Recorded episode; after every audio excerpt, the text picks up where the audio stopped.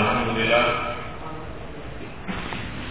نحمده ونستعينه ونستغفره ونعوذ بالله من شرور أنفسنا وسيئات أعمالنا من يهده الله فلا مضل له ومن يضلل فلا هادي له أشهد أن لا إله إلا الله وحده لا شريك له وأشهد أن محمدا عبده ورسوله يا أيها الذين آمنوا اتقوا الله حق تقاته ولا تموتن إلا وأنتم مسلمون.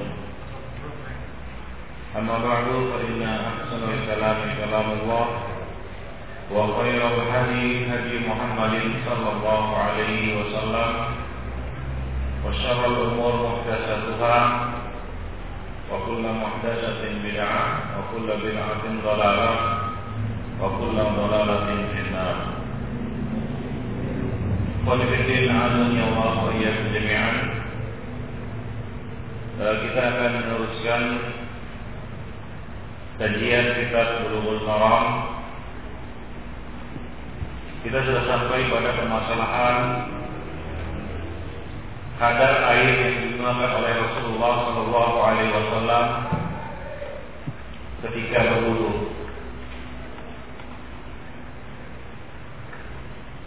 Di dalam masalah ini, Ikhwan Fiddin, syariat telah memberikan batasan maksimal dan minimal air yang bisa digunakan untuk wudhu atau patut digunakan untuk wudhu. Walaupun ini diambil dari perbuatan Nabi, namun bisa dijadikan sebagai tolak ukur untuk menetapkan, menentukan batas batas minimal air yang digunakan untuk berwudu. Ada beberapa hadis yang dicantumkan oleh Ibnu Hajar di dalam uh, bab ini atau masalah ini. Beliau mulai dari hadis Abdullah bin Zaid radhiyallahu anhu. Ia berkata, "Inna Nabiy sallallahu alaihi wasallam utiya bi thulutsai mud faja'ala yadluku dira'aihi." Akhrajahu Ahmad wa sahhahu Ibnu Khuzaimah. Hadis Abdullah bin Zaid Ia berkata, sesungguhnya Rasulullah Wasallam diberi dua per tiga mut, yaitu air. Tulusai dua per tiga mut.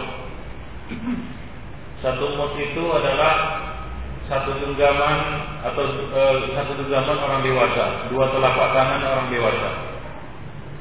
Tidak penuh, tapi dua per tiganya. Itulah kadar air yang digunakan oleh Nabi untuk berwudu dalam hadis ini diceritakan seperti itu dan Nabi menggosok baca alayat luku ya dalakayat luku dalkan artinya menggosok diroaihi kedua lengan beliau artinya dengan air sebanyak dua mut, uh, dua per tiga mut ini beliau masih bisa menggosok lengan beliau. Ya, masih bisa menggosok lengan beliau. Artinya bukan hanya melewatkan air pada anggota wudhu, tapi beliau juga menggosoknya.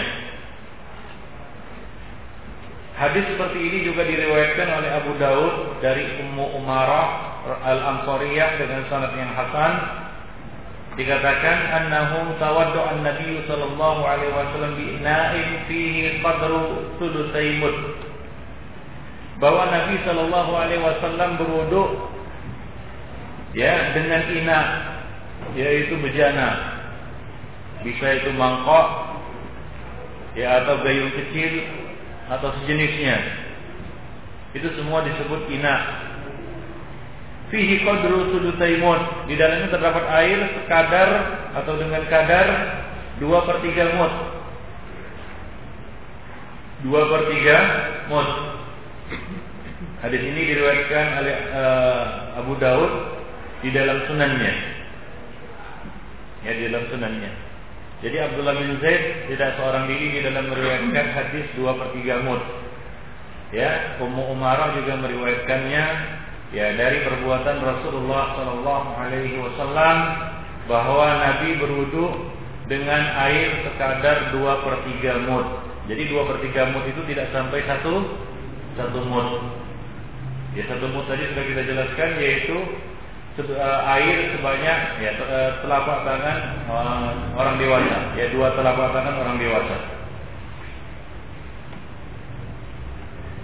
Mut ikhwanifiddin adalah sebuah ukuran syariah. Ya kailun syariun kailun syariah satu takaran ukuran yang syar'i. Banyak hukum-hukum syariat berkaitan dengan mut Ya, di antaranya apa? Hah? Zakat. Ya, nah, zakat. Itu zakat apa? Zakat fitrah atau zakat fitri itu ditentukan dengan mur ya uh, dengan sok sebenarnya tapi sok itu adalah gabungan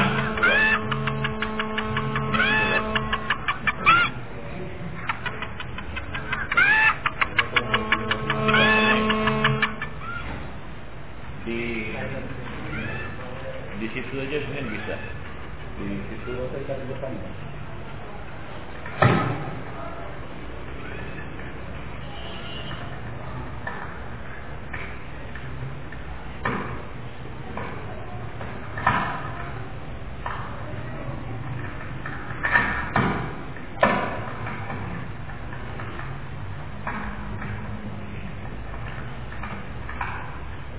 Baik, kita lanjutkan.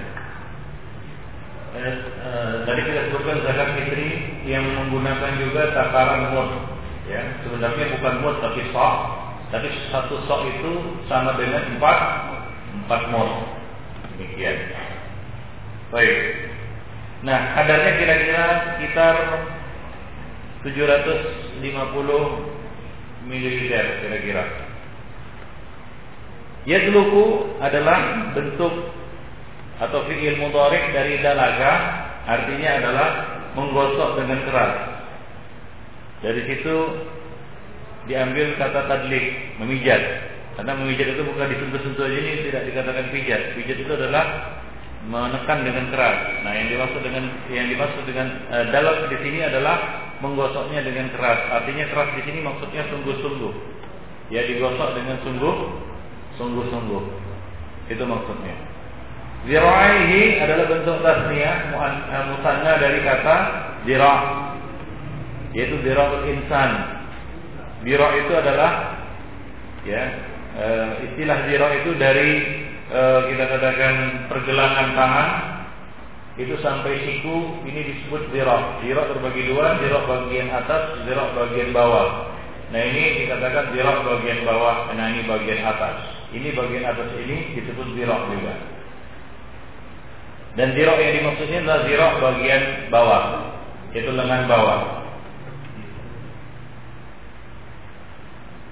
Yaitu dari mirfak, mirfak artinya pergelangan tangan sampai ke mana?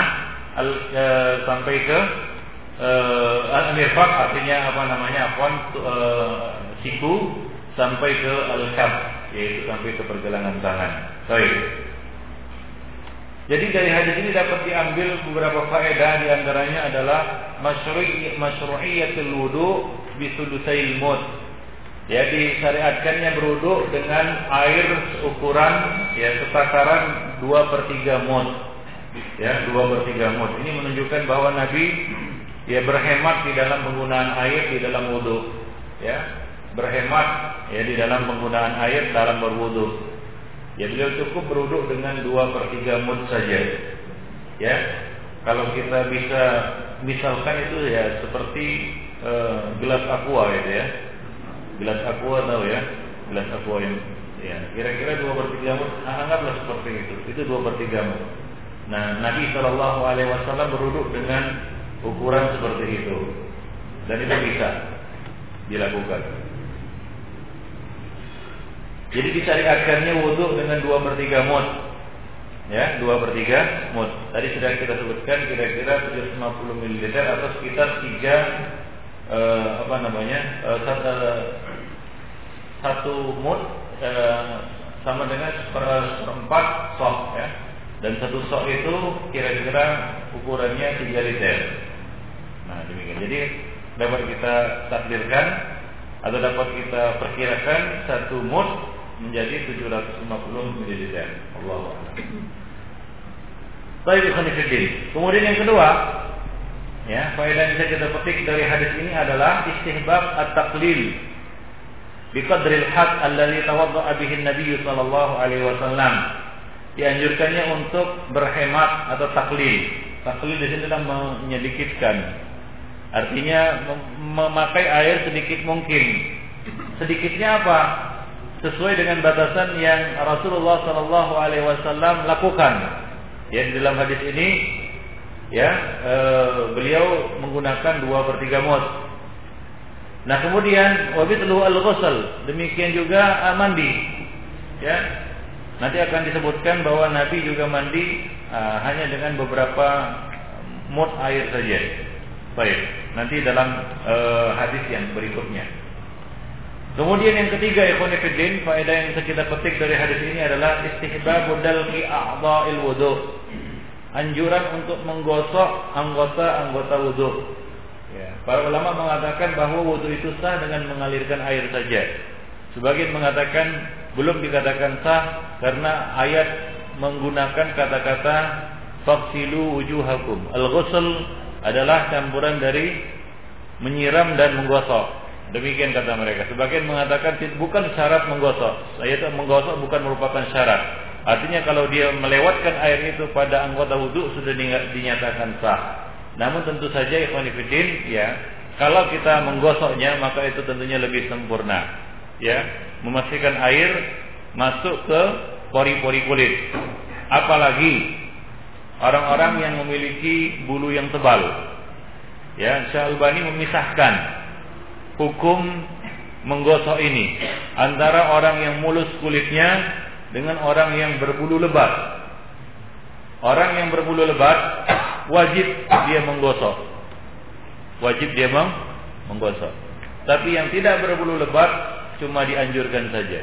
Misalnya mulus nggak ada nggak ada bulunya kan rata-rata orang Indonesia seperti itu. Tapi sebagian orang ada yang lebat kulit apa namanya bulunya, lebat bulunya.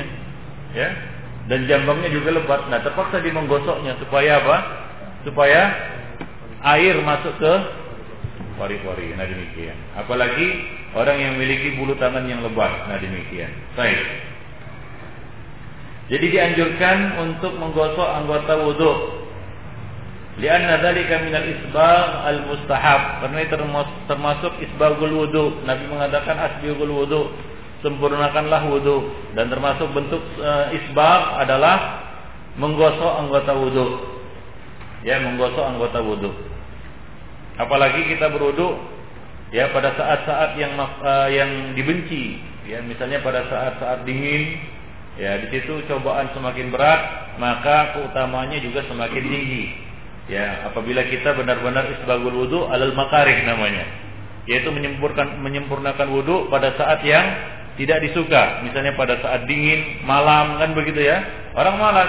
Kadang-kadang ya dari enggak dia malas untuk menggosok-gosok anggota anggota anggota wudhunya. Cuma disiram-siram saja. Ya, apalagi mencuci kaki. Sebagian orang kalau cuci, cuci kakinya itu ya cuma dialirkan saja air pada kakinya, tidak digosok-gosoknya. Nah, ini kadang-kadang ya membuat ya dia jatuh dalam larangan. Yaitu apa? Tersisanya anggota wudhu yang belum terkena air dan kemungkinan ini bisa diminimalisir jika dia menggosoknya. Nah, orang yang terbiasa berwuduk dengan menyiram-nyiram saja, ya kemungkinan besar, ya kemungkinan besar terjadi ada anggota wudhu yang tidak terkena air. Maka Nabi pernah berteriak dan mengatakan wailul lil aqabi minan nar. Ya, celakalah ya tumit-tumit kaki yang tidak tersentuh, tersentuh air ya dengan apa? Ancaman neraka. Ya neraka lah bagian tumit-tumit yang tidak tersentuh air yaitu di dalam ber berwudu. Nah demikian. Jadi Nabi memerintahkan kita untuk isbagul wudu. Jadi kebiasaan ini juga perlu untuk dilakukan yaitu eh, menggosok ya anggota anggota wudhu. Baik. Dan kadang-kadang Nabi juga pernah berwudhu dengan wudhu yang ringan.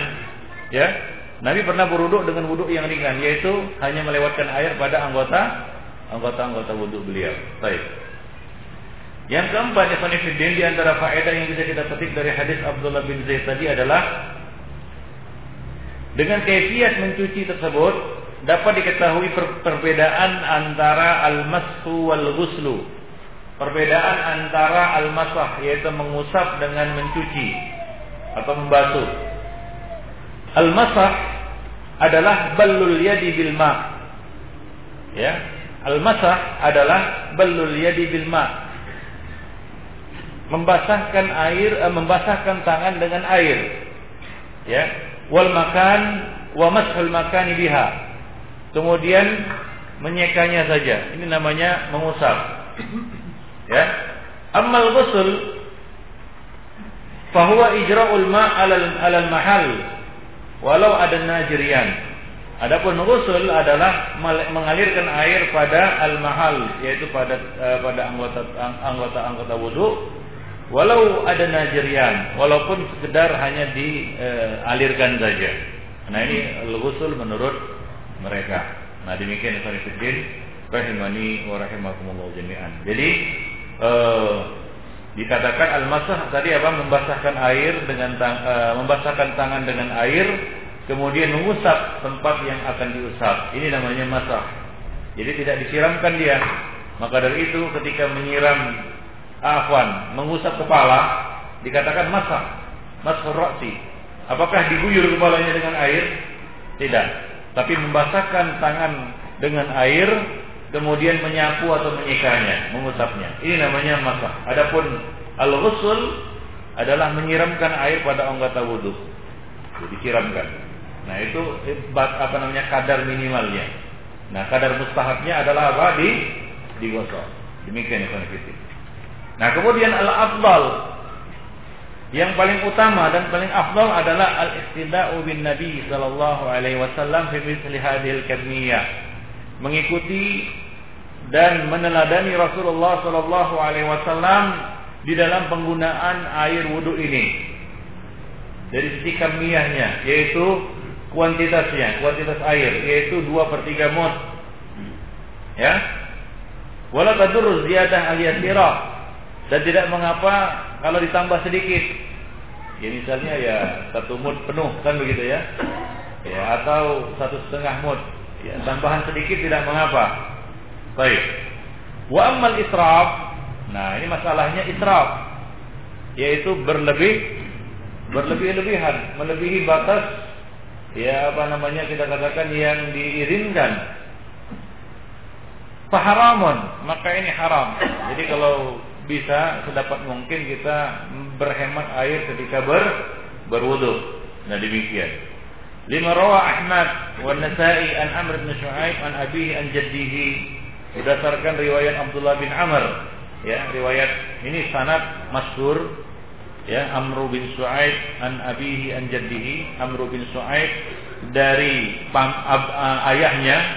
Ayahnya siapa? Ayahnya Shu'aib. Dan dari kakeknya, kakeknya siapa?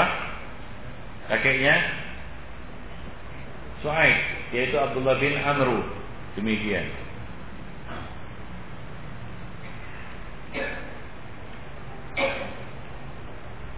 Nah, kakeknya Amru, yaitu Abdullah bin Amru bin As. Qal dia mengatakan, Ja'a Arabiyun ila Rasulillah sallallahu alaihi wasallam yas'aluhu anil wudu'. Ada seorang Arab Badui, ya, Arabi itu Arab Badui, Arab. Ini sebutan untuk orang-orang Arab yang tinggal di pedusunan. Orang-orang Arab Badui itu dibagi dua, ya. Ada yang Muduni, ada yang Badawi. Ya, yang Muduni itu adalah orang-orang Arab yang tinggal di kota, orang kota. Nah, ada Arab Badawi namanya yaitu orang-orang Arab yang tinggal di pedusunan. Rata-rata sahabat-sahabat Nabi yang masyhur yang kita kenal sebagai sahabat Nabi itu adalah orang-orang Arab yang tinggal di perkotaan. Nah, kadang-kadang ada orang-orang Arab yang dari pedusunan datang kepada Nabi. Biasanya para sahabat menunggu orang-orang Arab ini datang kepada Nabi untuk menanti pertanyaan mereka. Nah, karena orang-orang Arab Badui namanya juga Badui ceplas-ceplos dia. Ya, ceplas-ceplos tanya saja tanpa pikir-pikir kan begitu ya. Nah, sahabat ya adalah orang-orang yang apa namanya memiliki etika. Mereka malu-malu kan begitu, ya. mereka segan kepada Nabi dan mereka jarang ya bertanya macam-macam kepada Nabi. Nah, demikian. Maka ini orang Arab Badui ini datang kepada Rasulullah Shallallahu Alaihi Wasallam, yas'aluhu anil bertanya kepada beliau tentang wudu. Fa'arahu talatan talatan.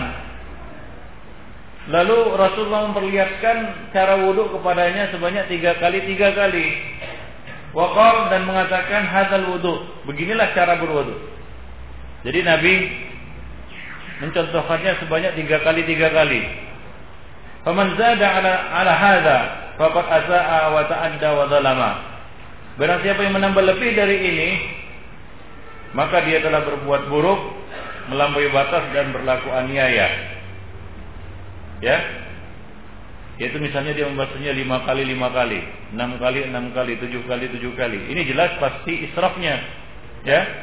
Sebenarnya cukup tiga kali dia lebihkan menjadi sepuluh kali misalnya. Ini namanya israf. Ya, Rasul mengatakan fakat asa dia telah berbuat buruk, dia telah melampaui batas dan dia telah berbuat aniaya. Ya, para ulama menjelaskan kenapa orang yang berlebih-lebihan dalam wudhu ini dikatakan aniaya, zalama. Ya, zalama.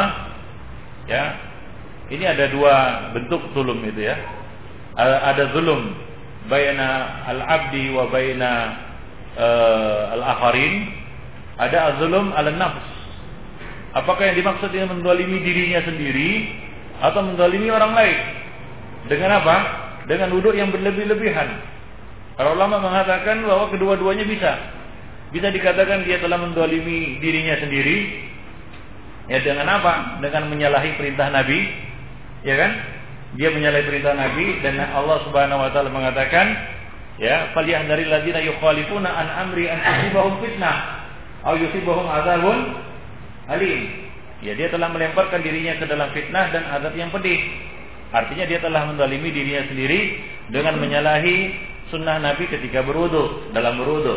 Atau dia menganiaya orang lain. Dari sisi apa? Dari sisi berlebih-lebihan menggunakan air. Hingga orang lain mungkin tidak ke kebagian. Ya sementara air khususnya di padang pasir termasuk barang berharga. Nah kalau apa namanya berfoya-foya ber, menghambur-hamburkan air maka itu termasuk perbuatan dulu ya karena satu barang yang sedikit di satu tempat, kalau itu dibuang-buang, maka dikatakan apa? Zulum. Wah ini orang ini zalim sekali ini. Gitu ya. Seperti antum membakar duit. Nah ini zulum. Tidak bisa dikatakan ini duit duitku. Ya, aku dapat pun dari keringatku. Kemudian kita bakar. Nah ini zulum. Karena ini akan merugikan orang orang lain. Nah demikian fillah azani Allah jami'an. Nah dari situlah bisa dikatakan bahwa orang yang berlebih-lebihan di dalam wudhu itu dikatakan zulum, dolama kata Nabi. Nah adapun asaa itu jelas dia telah berbuat buruk ya. Kenapa? Karena wudhunya tidak sesuai dengan wudhunya Nabi ya. Sebagaimana salat Nabi mengatakan sallu kama raaitumuni usolli, maka semua hal yang berkaitan dengan salat harus juga sama seperti Nabi, termasuk juga di dalam hal wudhu ya di dalam hal wudhu itu kita ambil dari makna kontekstualnya, mafhumnya, kan begitu ya? Nah, makna tekstualnya adalah sholat harus sama seperti Nabi. Makna kontekstualnya yaitu hal-hal yang berkaitan dengan uh, dengan sholat juga harus sama seperti Nabi. Termasuk di dalamnya syarat-syarat sholat, ya, mulai dari ber, bersuci, menghadap kiblat, ya, kemudian masuk waktu dan seterusnya. Nah itu harus sesuai dengan apa? Dengan sunnah Nabi Shallallahu Alaihi Wasallam. Demikian yang kami fikir. Tak ada jelas makna tak ada di dalam hadis tersebut. Dia telah melewati batas. Batas yang Nabi berikan tiga, dia lewati menjadi empat, lima, enam dan seterusnya. Nah kemudian wazalama, nah inilah yang kita jelaskan tadi. Kenapa orang yang melewati batas yang disebutkan Nabi tadi dikatakan dolama, ya. Baik. Akan tetapi Khonifuddin dikhususkan dan dikecualikan dari hukum ini satu hal. Apa itu? Ya. Basuh basuh kaki. Basuh kaki itu boleh lebih dari tiga kali. Ya, khusus ya. Ini berdasarkan hadis lain ya dari Ibnu Abbas radhiyallahu anhu bahwa Nabi pernah e, bahwa Nabi pernah mencuci kaki itu lebih e, tanpa batas. Ya, itu e, silakan anda baca di apa namanya e, Mausu'ah fikih yang muyassarah ya ensiklopedia fikih praktis itu dan itu disebutkan riwayat yang menyebutkan bahwa pembasuhan kaki itu boleh lebih dari tiga kali bahkan tanpa batas. Tanpa batas artinya apa? Hah? Ya? Sampai sampai bersih. Hah? Boleh lima kali? Lima setengah? Boleh juga. boleh juga. Ya, artinya boleh tanpa dihitung. Gak usah dihitung-hitung. Cuci saja sampai bersih. Ya. Karena hikmahnya Ikhwanifiddin, kaki adalah bagian tubuh yang rentan terkena kotoran. Dari anggota tubuh yang lain, ya anggota-anggota wudhu yang diperintahkan untuk dicuci, yang paling mungkin terkena kotoran dan paling sering terkena kotoran dan yang paling kotor adalah apa? Kaki. Belum lagi baunya, kotornya kan begitu ya. Nah, maka dari itu dia perlu untuk dibasuh lebih dari tiga, tiga kali. Untuk hikmah itulah boleh membasuh kaki lebih dari tiga kali. Nah, demikian. Karena Nabi membasuhnya tanpa hitungan. Jadi tanpa dihitung berapa kali sudah. Ya, kadang-kadang kalau tiga kali ternyata apa? Masih ada kerak-kerak tai tai lencung, tai lencung tuh. Tai ayam, kan begitu ya. Nah, gimana caranya? Ya terus cuci sampai sampai bersih. Ya jangan berhenti udah sudah tiga kali, nggak boleh lebih dari empat eh, dari tiga kali. Mau dibasuh keempat kali, waduh nanti kena hadis asa'a wa wa ta'adda wa zalama. Kita katakan dikecualikan kaki. Ya kaki boleh lebih dari tiga kali. Nah demikian ya pemirsa rahimani wa rahimakumullah jami'an. Nah, nah di sini ada khilaf ulama, pemirsa Ada perbedaan pendapat di kalangan ulama tentang hukum adalah hukum menggosok tadi. Hal huwa mustahabun aw wajibun? Apakah menggosok itu wajib atau mustahab? Khusus untuk anggota-anggota wudhu yang dikatakan oleh Allah Subhanahu wa taala atau diperintahkan oleh Allah Subhanahu wa taala untuk dicuci ya. Kalau masah jelas itu tidak ada dalak di situ. Karena dia menyeka ataupun mengusap. Ya. Imam Malik berpendapat ya menggosok ini wajib beliau berdalil dengan hadis yang kita bacakan tadi yaitu hadis Abdullah bin Zaid. Hadis di dalam bab ini hadis pertama. Adapun Imam Ahmad berpendapat tidak wajib. Menurut beliau lam yarid mayatulu alal wujub. Tidak ada dalil yang menunjukkan wajibnya hal itu. Wa amma nabi fayadullu alal istihbab. Adapun perbuatan Nabi menurut beliau tidak menunjukkan wajib, hanya menunjukkan mustahab, yaitu dianjurkan. Wal ma'muru bihi huwal ghusl dan yang diperintahkan tadi adalah ghusl. Dan ghusl kembali kepada makna lugawinya yaitu makna literal dari al-ghuslu di dalam bahasa Arab atau arti kamusnya apa? Jariyanul ma' mengalirkan air pada pada tubuh. Oleh karena itu, ketika mandi junub tidak disyaratkan harus menggosok-gosoknya. Ya, tidak disyaratkan harus menggosok seluruh sekujur tubuh. Karena yang diperintahkan untuk dicuci ketika mandi junub adalah semua. Ya. Dan para ulama sepakat bahwa apabila seseorang telah mengalirkan air ke seluruh tubuhnya, maka sudah sah mandi junubnya. Tanpa perlu dia gosok-gosok semua bagian tubuhnya. Bukankah demikian? Apakah syarat di dalam mandi junub harus digosok semuanya dari atas dari ujung rambut sampai ujung kaki? Bukan syarat. Maka dari itu Imam Ahmad mengambil makna lugawi ini dan mengatakan bahwa al-ghusl di dalam bahas uh, di dalam ayat ya di surat Al-Maidah ayat, uh, ayat uh, berkaitan dengan wudhu ini itu cukup dengan apa? Jadianul ma mengalirkan air pada anggota-anggota wudhu. Nah demikian. Jadi menurut beliau itu mustahab saja. Nah demikian. Baik. Nah ke kemudian ya sebagian ulama lainnya di antaranya ini pendapat yang dipilih oleh Syalbani dan dinukil juga oleh murid beliau ya yaitu uh, Syekh Hussein Awaisa di dalam uh, ensiklopedia fikih praktis itu bahwa dibedakan antara ya antara orang yang memiliki bulu yang tebal dengan yang tidak memiliki bulu. Orang yang memiliki bulu yang tebal, misalnya bulu tangannya tebal, bukan seperti ini. Ini tidak berbulu. Ada yang berbulu tebal. Ada. Ada contohnya. Contoh barang ada.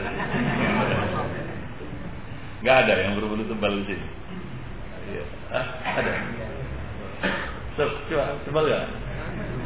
Lumayan tebal lah ini, ini. Ada tebal di depan sana. Ini lumayan tebal, ya kan? Nah, kalau dialirkan saja, ada kemungkinan, ya tidak kena. Kalau dialirkan saja, maka perlu digosok. Para uh, Syekh Albani diikuti oleh murid beliau Husain al Awaisah, Syekh Husain al Awaisah berpendapat kalau bulu tangannya tebal, maka dia wajib untuk menggosok. Demikian itu Jadi dipisahkan antara yang berbulu tebal dengan yang tidak berbulu. Baik, kita lanjutkan. Hadis berikutnya ini masih hadis Abdullah bin Zaid. Wa an Abdullah bin Zaid radhiyallahu anhu annahu ra'a an-nabiy sallallahu alaihi wasallam ya'khudhu li udunayhi ma'an ghayra alladhi akhadahu bi li ra'sihi. Ini masalah mencuci afwan, mengusap telinga. Kita sudah sebutkan kemarin bahwa telinga itu termasuk bagian apa? Wajah atau kepala? Kepala. Ya. Telinga itu termasuk dari bagian kepala. Bukan wajah. Ya, bukan wajah. Maka dia diusap ketika kita mengusap kepala, bukan ketika kita mengusap wajah. Nabi mengatakan al-ainani minar ra'si. Al-ainani minar ra'si ya bahwa kedua telinga itu bagian dari kepala. Nah, di sini para ulama berbeda pendapat tentang uh, sabda Nabi ini, al-ainani minar ra'si. Apa kira-kira? Ada perbedaan pandangan di kalangan ulama, ini tajam juga dan dibahas panjang lebar juga oleh sebagian ulama berkaitan dengan hadis Nabi tadi, al-ainani minar ra'si. Sebagian mengatakan yang yang apa namanya yang tidak menggolongkan ya telinga termasuk bagian yang harus diusap di dalam wudhu mereka mengatakan bahwa sabda Nabi ini itu hanyalah penjelasan tentang anatomi tubuh. Bahwa telinga termasuk kepala. Sebagian mengatakan kalau Nabi hanya menjelaskan tentang anatomi tubuh maka apa faedahnya? Nabi cuma mengatakan menginformasikan ya salah satu dari cabang ilmu mungkin biologi kan itu tentang anatomi tubuh bahwa telinga masuk bagian kepala. Coba antum teliti tanyakan kepada mungkin para dokter ada di sini, ya telinga ini masuk tulang apa dia? Ke mana dia sambungannya? Tulang kepala atau wajah dia? Allah alam saya nggak tahu juga. Ya, secara secara secara apa ya? Secara biologi ya. Nah, ada yang mengatakan bahwa sabda Nabi ini cuma menjelaskan tentang anatomi tubuh. Lalu dibantah oleh para ulama lainnya, kalau sekedar menjelaskan anatomi tubuh, maka apa faedahnya? Sementara tugas Nabi bukan menjelaskan tentang ilmu dunia. Dan Nabi mengatakan antum a'lamu bi umuri dunyakum. Ini mengisyaratkan perbedaan pendapat di kalangan ulama tentang telinga ikhwan Apakah telinga itu masuk wajah atau kepala? Kemarin kita sudah katakan definisi wajah itu dari apa? Dari tulang apa namanya telinga ini sampai tulang telinga kiri sampai tulang telinga kanan. Kira-kira demikian.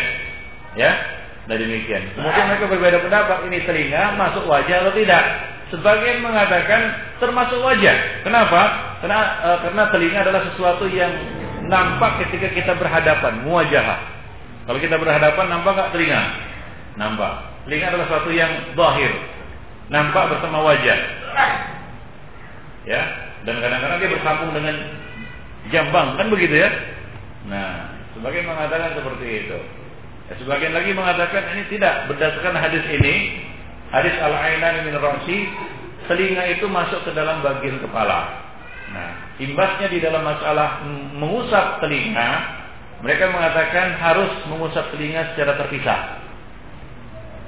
Enggak boleh mengusap kepala sekaligus telinga. Sebagian lagi mengatakan tidak, harus diusap secara bersamaan dengan kepala. Ya, kita katakan Ikhwanifiddin bahwa yang benar pendapat yang rajih adalah penjelasan Nabi tadi, hadis Nabi tadi, kedua telinga termasuk kepala ini adalah penjelasan yang komplit. Rasulullah menjelaskan tentang anatomi tubuh dan juga sekaligus menjelaskan hukum mengusap telinga di dalam rudu bahwa telinga itu diusap bersamaan dengan mengusap kepala. Nah demikian Ikhwanifiddin. Hanya saja hadis ini menjelaskan kepada kita bahwa Ketika mengusap telinga, kita boleh mengambil air baru selain air yang kita gunakan untuk mengusap kepala. Ini riwayatnya dari Abdullah bin Zaid radhiyallahu anhu. Bahwa ia pernah melihat Rasulullah sallallahu alaihi wasallam ya'khudhu li udhnayhi ma'an, mengambil air ghairal ma'il ladzi akhadahu, selain air yang digunakan untuk mengusap kepala li udhnayhi untuk mengusap kedua telinga beliau. Ya, untuk mengusap kedua telinga beliau. Ya, demikian. Hadis ini ya diriwayatkan oleh Al Baihaqi. Baik, jadi ya prakteknya seperti ini. Kita mengusap kepala terlebih dulu. Selesai mengusap kepala, kita ambil air yang baru, yaitu kita celupkan ya kita apa namanya kita basahkan dari pengertian masah apa tadi Ya pengertian masak yaitu membasahkan tangan dengan air kemudian mengusapkannya pada pada anggota wudhu. Kita basahkan tangan dengan air bisa dicelup atau dituang, kemudian apa? Dibasuhkan ke telinga secara terpisah. Demikian ini. Baik. Nah akhirnya li udunaihi diusap secara bersamaan, bukan kanan dulu baru kiri kan begitu ya? Ya. Karena Nabi di sini ketika menyebutkan udunain tidak membedakan antara telinga kanan kemudian telinga telinga kiri. Zahirnya, ya zahirnya dari apa namanya e, makna yang kita kita tangkap dari hadis Nabi tadi, beliau mengambil air baru itu dan mengusapkannya pada kedua telinga beliau secara sekaligus. Ada sebagian orang ya memang ini tidak bisa kita salahkan juga dan termasuk juga ya kita katakan wudhunya juga sah. Ya, tapi ya kita katakan bertentangan dengan zahir hadis. Ya, zahir hadis ini Nabi tidak membedakan antara telinga kanan dan telinga kiri. Ada sebagian orang di ketika mengusap telinga dia memang mengambil air baru dan itu boleh. Akan tapi bagaimana apa yang dilakukannya? Dia ambil air baru, ya dia basah namanya kanan dulu.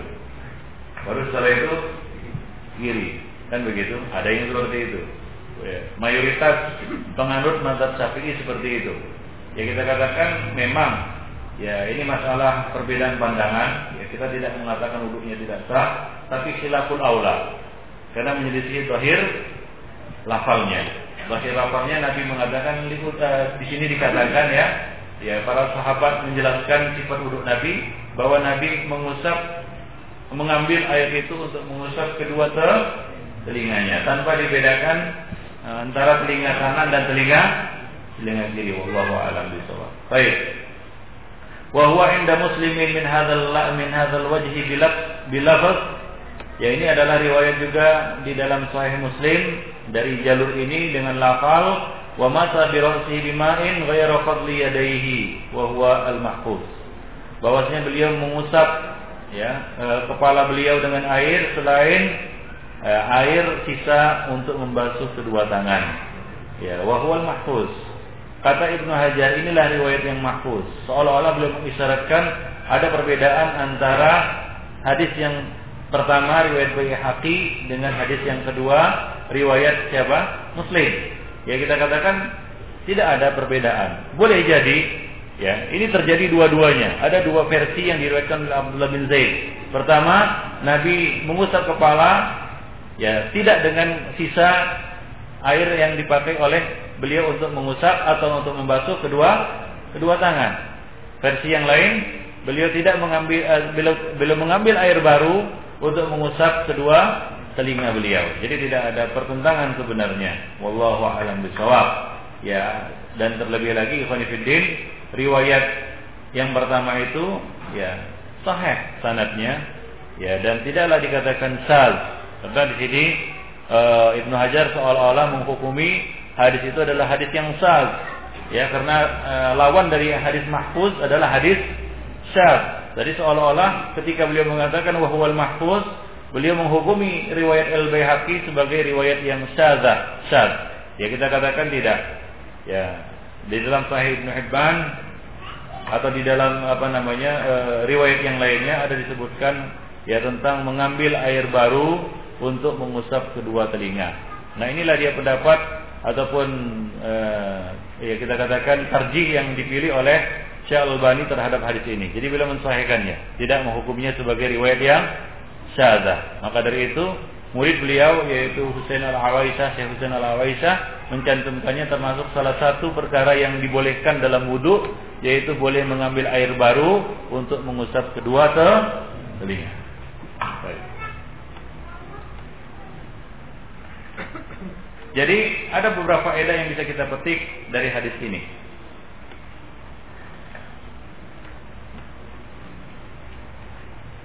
Tadi kita sebutkan bahwa hadis ini ada dua riwayat. Riwayat yang pertama menyebutkan bahwa Nabi mengambil air baru untuk mengusap telinga beliau. Ya selain air yang dipakai untuk mengusap kepala. Riwayat yang kedua, annahu sallallahu alaihi wasallam masaha ra'sahu bima'in ghairu fadli yadayhi. Bahwa beliau mengusap kepala beliau dengan air yang beliau uh, dengan air selain air yang beliau gunakan untuk membasuh uh, apa namanya mencuci kedua tangan. Ya.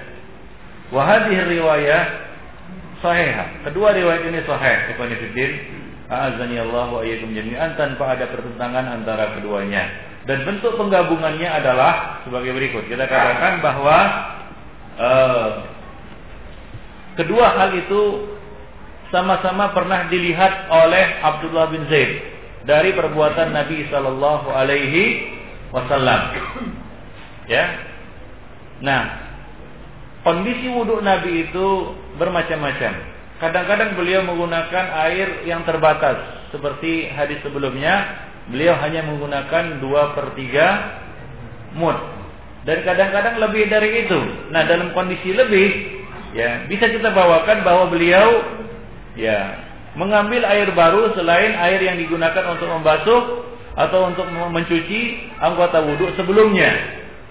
Ya, dan kadang-kadang beliau menyatukannya, yaitu apa? Beliau membasuh tangan, eh, apa mengusap eh, apa namanya kepala dengan air yang beliau gunakan untuk membasuh dan mencuci tangan. Demikian juga ketika apa namanya mengusap telinga, beliau mengusap telinga dengan air yang beliau gunakan untuk mengusap ke kepala. Itu dalam kondisi di mana beliau menggunakan air dalam jumlah yang ter terbatas.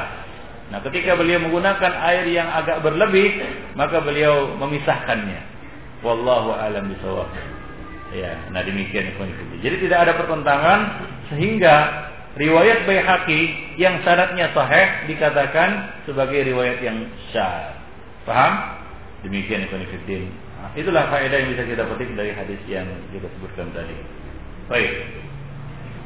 Nah, kemudian hadis yang selanjutnya.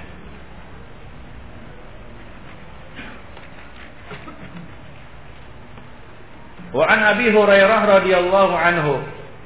Ya, tadi kita sudah bicarakan tentang apa? Tentang e, berhemat ketika berwudu. Bukankah demikian? Berhemat ketika berwudu dalam arti kata apa? Berhemat dalam penggunaan Berhemat dalam apa?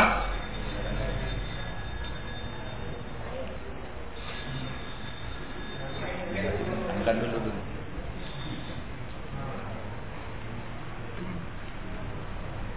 Berhemat dalam apa?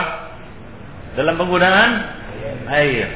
Berhemat dalam penggunaan air. Nah, di sini kita membahas hadis Abu Hurairah radhiyallahu anhu. Hadis ini secara zahirnya menunjukkan bahwa beliau mengusapnya lebih dari anggota batas batas ya batas yang harus dibasuh di dalam berwudu.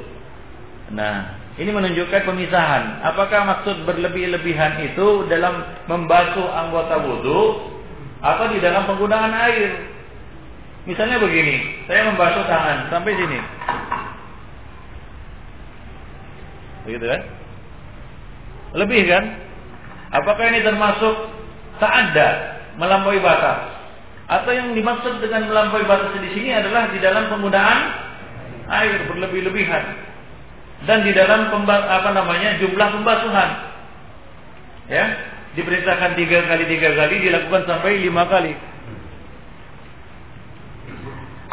Zahir riwayat yang kita bacakan tadi adalah di dalam dua hal itu. Penggunaan air dan apa? Dan jumlah pembasuhan. Tapi bila membasuhnya lebih dari batas apakah ini termasuk hal yang dilarang atau dimakruhkan ataupun diharamkan? Nah ini mahal uh, al-bahas di kalangan ulama. Ini adalah satu hal yang dibahas oleh para ulama. Ya, ini hadisnya hadis Abu Hurairah radhiyallahu anhu. Dia mengatakan, "Sami'tu Rasulullah sallallahu alaihi wasallam yaqul" Aku mendengar Rasulullah sallallahu alaihi wasallam bersabda, "Inna ummati ya'tuna yawmal qiyamah ghurran muhajjalina min atharil wudu faman istata'a minkum ayyutila ghurratahu falyaf'al Beliau mengatakan sesungguhnya umatku yaitu kaum muslimin maksudnya akan datang pada hari kiamat nanti dalam keadaan kondisi ghurran muhajjalin. Bersinar bercahaya tangan dan kaki mereka.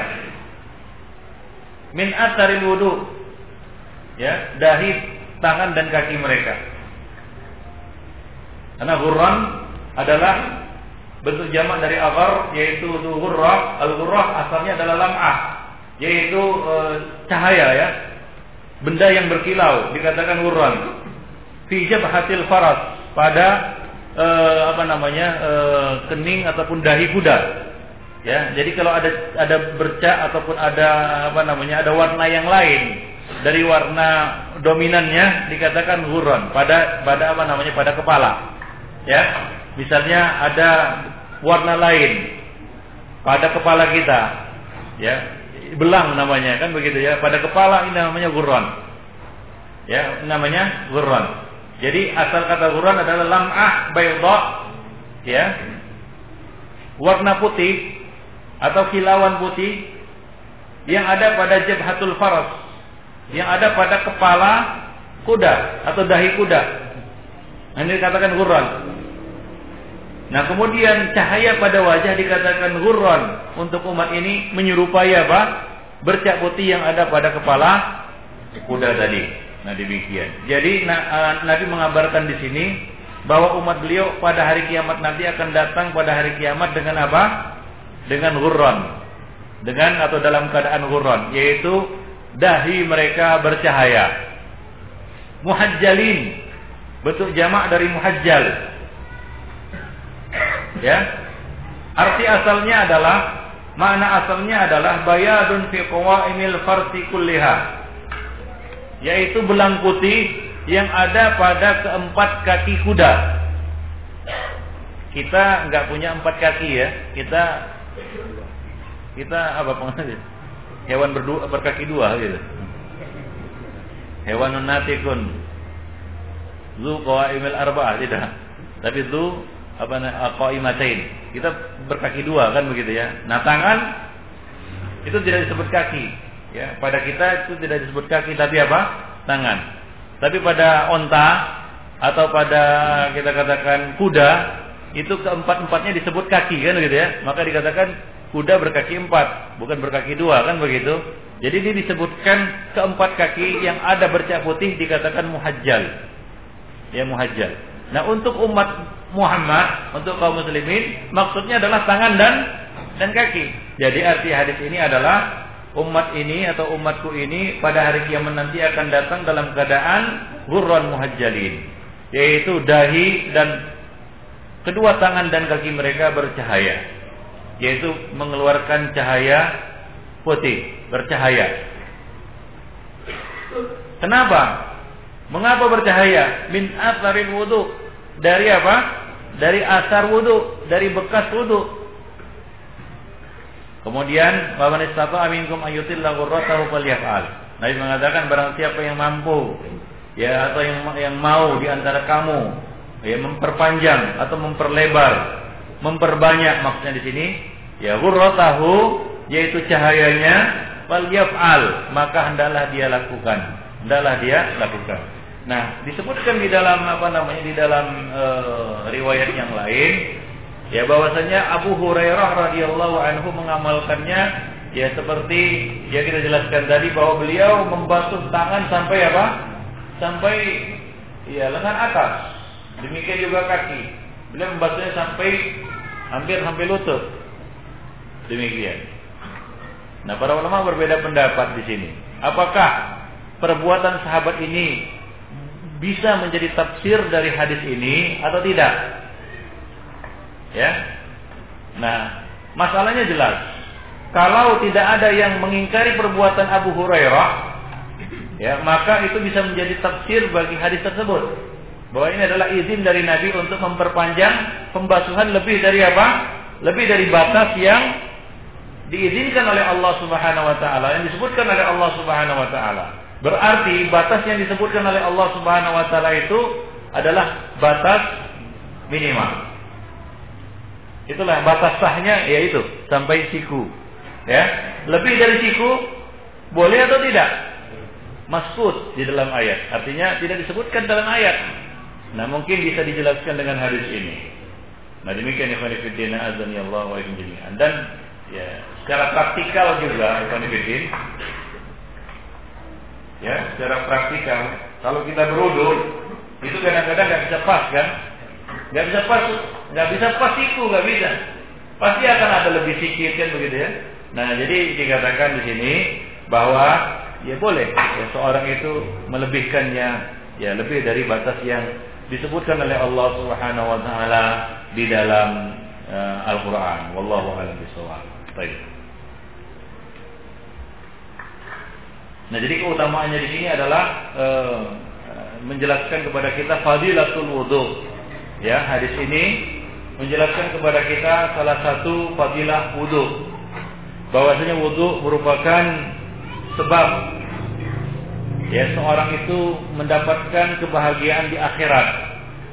Dengan apa? Dengan diberikannya cahaya pada hari kiamat. Ya, cahaya pada hari kiamat. Cahaya pada hari kiamat sangat dibutuhkan ya oleh setiap orang. Ya, setiap orang akan memiliki cahaya sesuai dengan kadar imannya. Dan salah satu yang menyumbangkan cahaya bagi kita pada hari kiamat ya selain berjalan di kegelapan menuju masjid ya adalah apa? Ya juga di samping doa yang kita minta cahaya kan kepada Allah Subhanahu wa taala ya juga apa namanya e, ibadah wudhu ini. Ya, ibadah wudhu.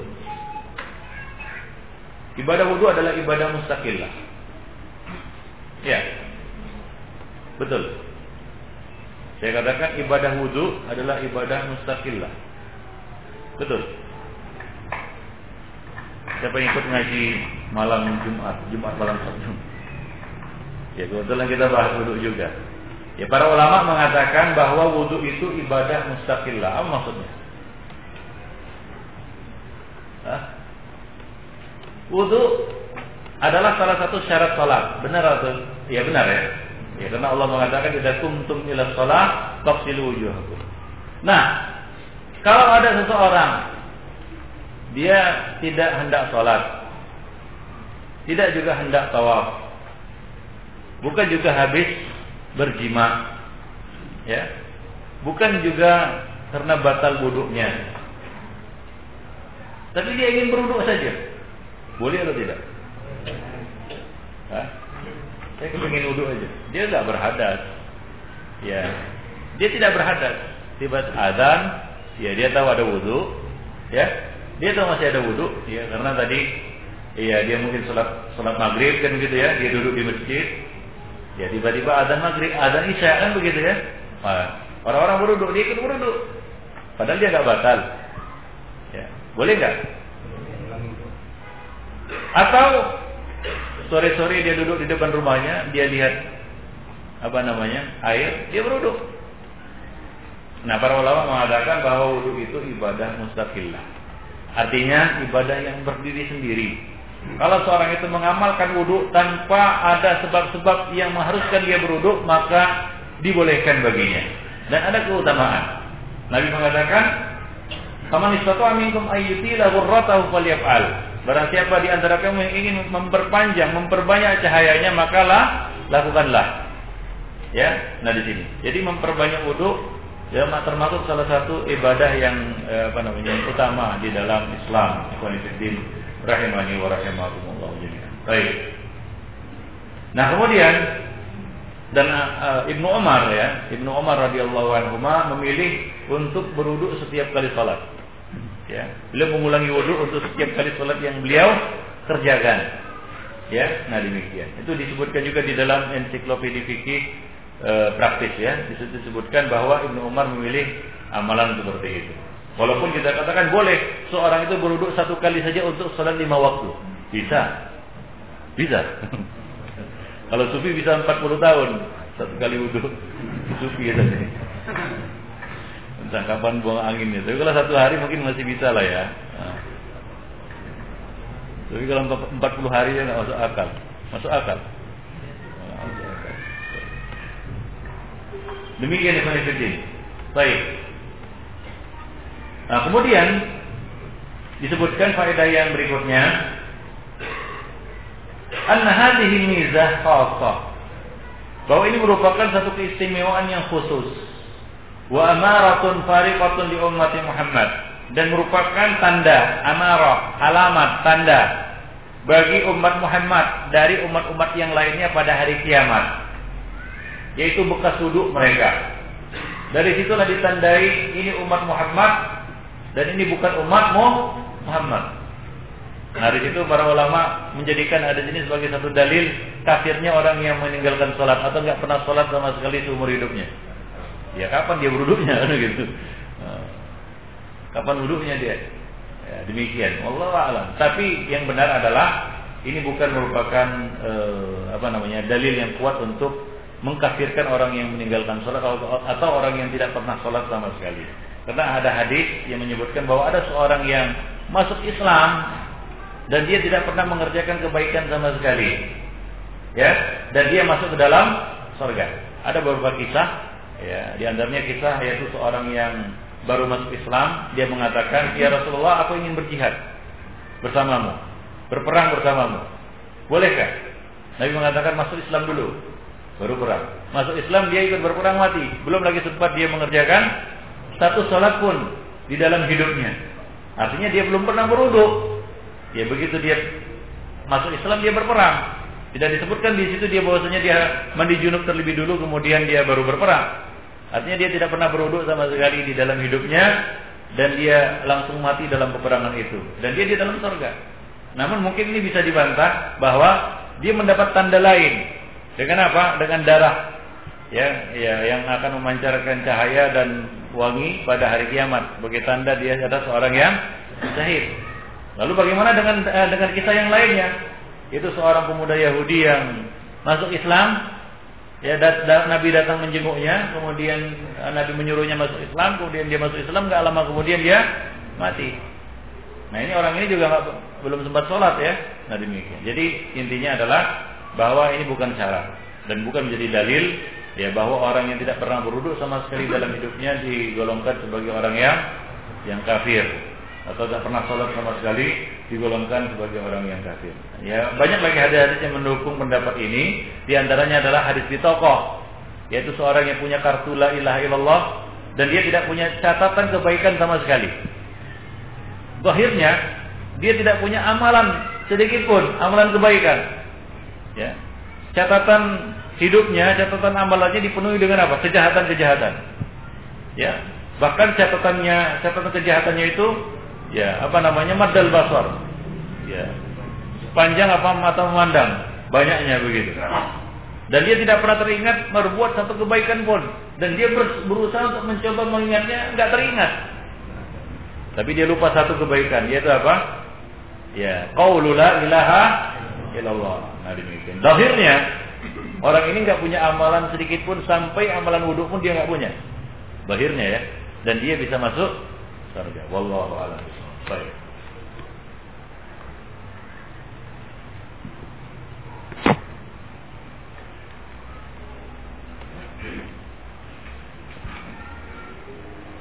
Dan juga hadis ini Khawifidin bisa kita jadikan sebagai dalil bahwa al-ba'ats kebangkitan itu adalah dengan ruh dan jasad. Sebagaimana telah sahih dari Rasulullah sallallahu alaihi wasallam, "An-nas yuhsyaruna yaumal qiyamah kufatan uratan ghurla."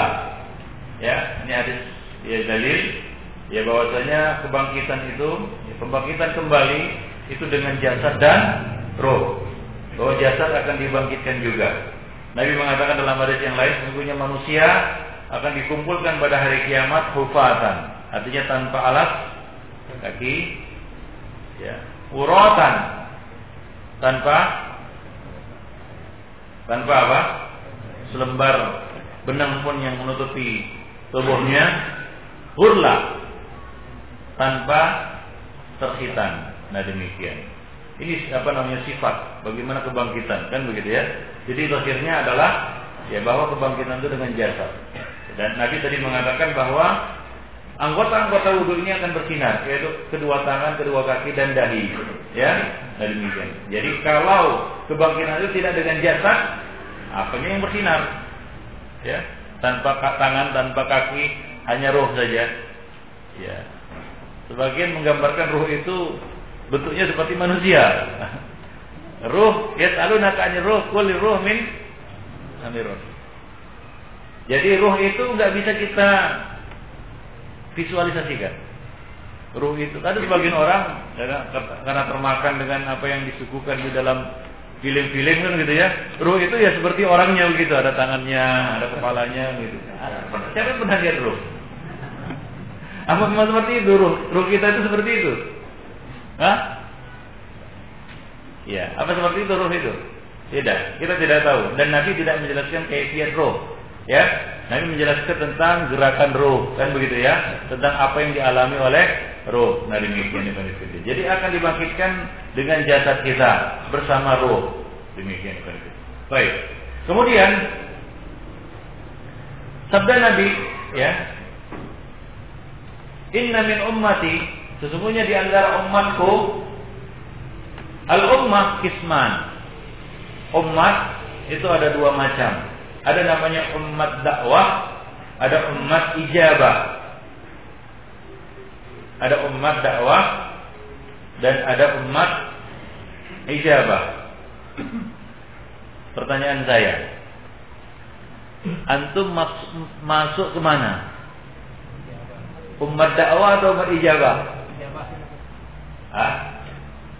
Antum umat dakwah atau umat ijabah? Hah? Ijabah. Apa maksudnya umat dakwah? Hah? Lama. Hah? Apa? Sampai seruan dakwah kepadanya. Yaitu umat semua manusia yang mendengar dakwah beliau inilah umat dakwah. Adapun umat ijabah inilah umat Muhammad, yaitu umat yang apa? mengikuti ya dan menyambut dakwah Rasulullah sallallahu alaihi wasallam. Karena di antara semua manusia yang menjadi umat dakwah ini tidak semuanya menjadi umat ijabah. Sebagian dan itulah dia umat Muhammad. Jadi selain itu dikatakan umat dakwah. Baik, Fiddin. Jadi para ulama membagi umat itu menjadi dua. Baik. Jadi antum adalah umat ijabah Selain itu adalah umat dakwah. Kemudian khilaf ulama Ibnu Fidina Allah wa iyyakum jami'an di dalam uh, masalah ini ya ya, ini mungkin sudah diisyaratkan tadi sudah saya isyaratkan tentang uh, apa namanya khilaf ulama di dalam masalah ini bahwa Abu Hanifah Al-Imam Syafi'i Imam Ahmad dan pengikut-pengikut mereka berpendapat bahwa mustahab istihbab dianjurkan. Mujawazatul fardi fil wudu ya melebihkan ya dari anggota apa namanya anggota wudu yang wajib dibasuh atau dicuci di dalam ber berwudu. Artinya apa? Bahwa membasuh lebih dari siku membasuh lebih dari apa? Mata kaki itu adalah perkara yang mus mustahab ya dianjurkan ataupun dibolehkan jelasnya dan dianjurkan Baik, karena ada fadilah di sini yaitu untuk memperpanjang apa? cahaya ya pada anggota-anggota wudhu kita. Nah, ini adalah pendapat siapa? Abu Hanifah, Syafi'i, Ahmad dan orang-orang yang dan para pengikut mereka. Dan ini merupakan mazhab jumhur ulama Ikhwan ya. Dan mereka berdalil dengan apa namanya eh, bagian akhir dari hadis tersebut yaitu sabda Nabi Faman istata'a minkum ayutila ghurratahu falyaf'al. Barang siapa yang mampu di antara kamu, ya, mampu di sini maksudnya mau. Man asa'a, ya. Istata'a artinya sya'a, berkehendak, mau. Untuk apa? Yutila ghurrata yutila ghurratahu memperpanjang ghurrahnya cahayanya falyaf'al. Hendaklah dia lakukan. Nah, perintah di sini lil istihbab, bukan lil wujud. An-Nawawi mengatakan ittafaqa ashabuna ala ghasli ma fawqa al-mifaqain wal ka'bain. Nawawi mengatakan rekan-rekan kami yaitu dari kalangan ulama-ulama Syafi'iyah berpendapat sepakat ya untuk mencuci lebih dari apa? mirfaqain. Yaitu lebih dari e, siku dan lebih dari mata mata kaki di dalam berwudu. Nah, ini pendapat mereka. Wa al-Imam Malik wa ahlul Madinah.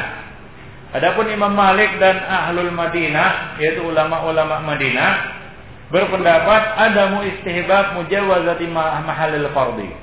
Ya, tidak dianjurkan untuk membasuh lebih dari apa? Dari batas yang disebutkan oleh syariat oleh Allah Subhanahu wa taala. Dan ini merupakan satu riwayat juga dari Imam Ahmad. Nah, ini antum jangan bingung ya sering itu terjadi riwayatun an Ahmad, riwayatun an Malik. Ya, satu riwayat dari Imam Ahmad. Ada dua versi dari Imam Ahmad. Satu mengatakan ya mustahab, satu mengatakan tidak mus mustahab. Kok bisa begitu?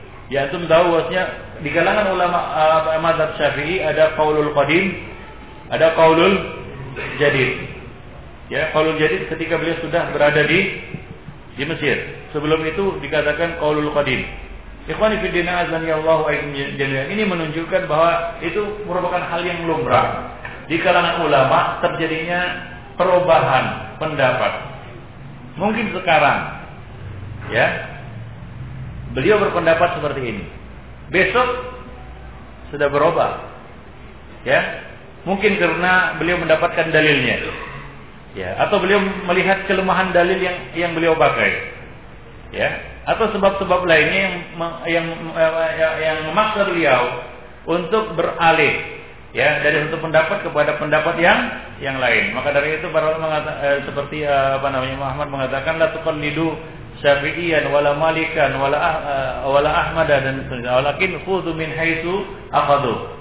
Ya, janganlah kamu taklid kepada Imam Malik, kepada Ahmad, kepada Syafi'i, tapi ambillah dari mana mereka ambil. Ya di dalam riwayat lain ditambahkan boleh jadi mereka mengambil satu pendapat ini hari ini, besok mereka meralatnya kembali. Demikian ya Fiddin.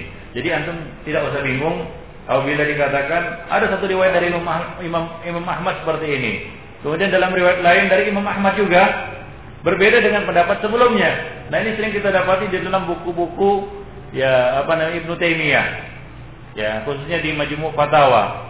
Karena Ibnu Taimiyah adalah orang yang dikatakan sebagai salah seorang ulama yang ya alim paling alim ya tentang mazhab Hambaliyah atau Hanabilah Ya, mazhab Imam Ahmad. Beliau adalah pakarnya dan beliau adalah orang yang mengkhususkan diri untuk mendalami mazhab tersebut.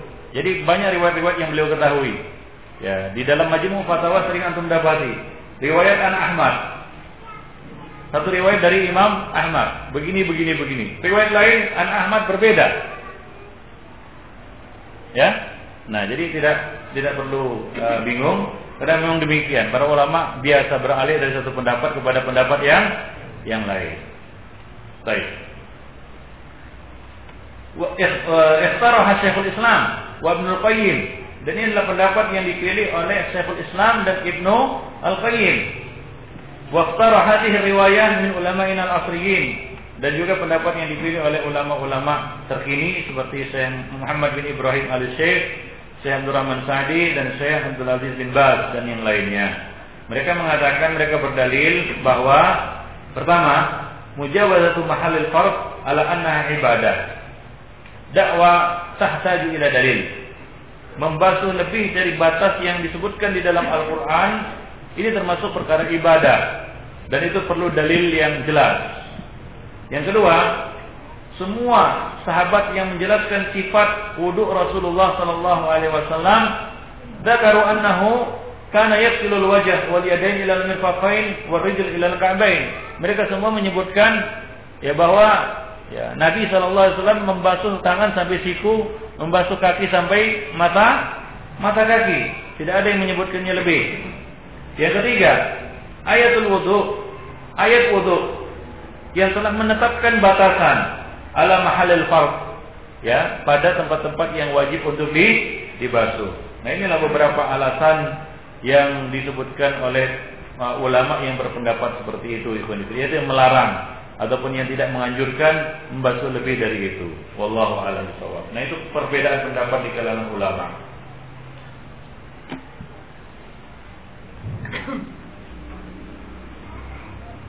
Nah, kemudian hadis berikutnya, hadis Aisyah radhiyallahu anha. Nah, ini hadis Aisyah ini menceritakan atau membahas tentang masalah mendahulukan kanan dari kiri.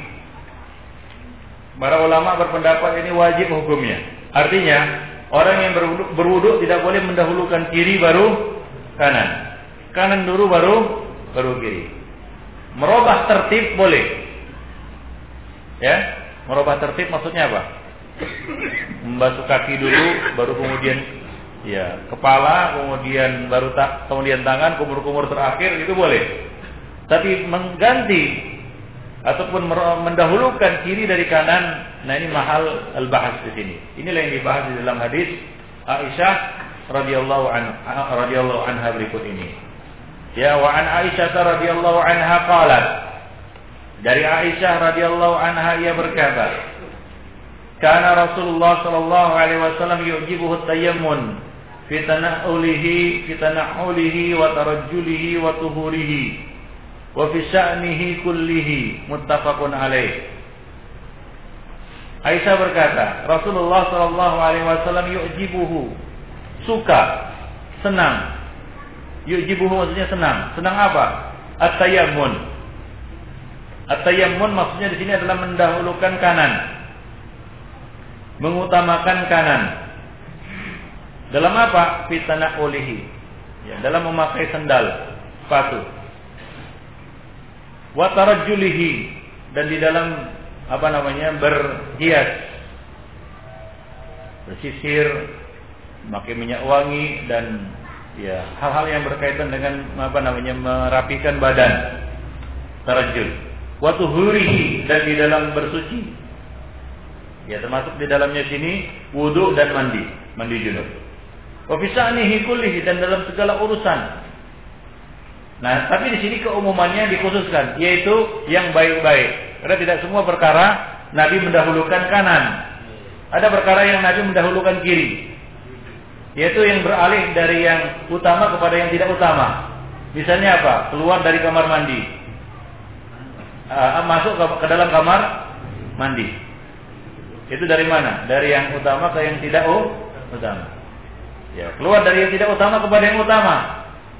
Kaki kaki kanan. Masuk ke masjid dari yang tidak utama ke utama.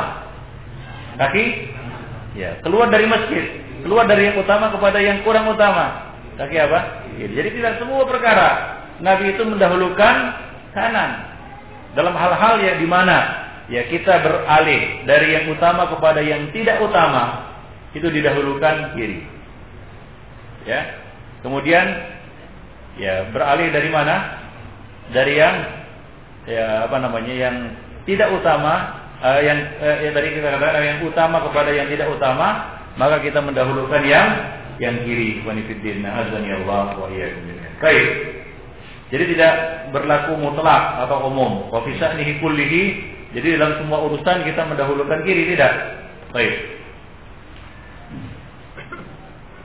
Ya, eh, dalil yang kita ambil di sini adalah sabda beliau atau perkataan Aisyah wa tuhurihi. Nah, tuhur tadi kita sudah sebutkan ya, tuhur ini ada dua bacaan, bisa dibaca tuhur, bisa dibaca tahur, tapi yang sahih bacaannya di sini adalah tuhur. Apa bedanya tahur dengan tuhur?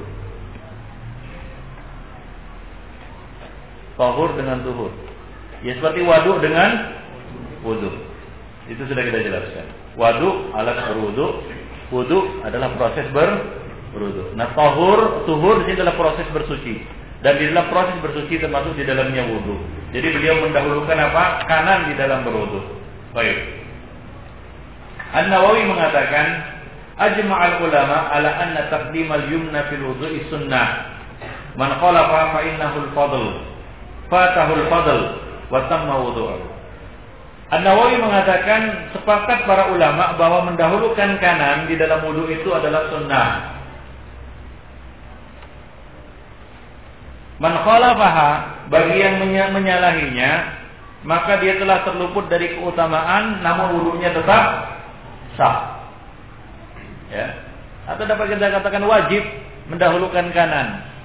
Ya, tapi kalau dilanggar secara sengaja dia berdosa. Seperti mengucapkan basmalah ketika hendak berwudu. Hukumnya wajib.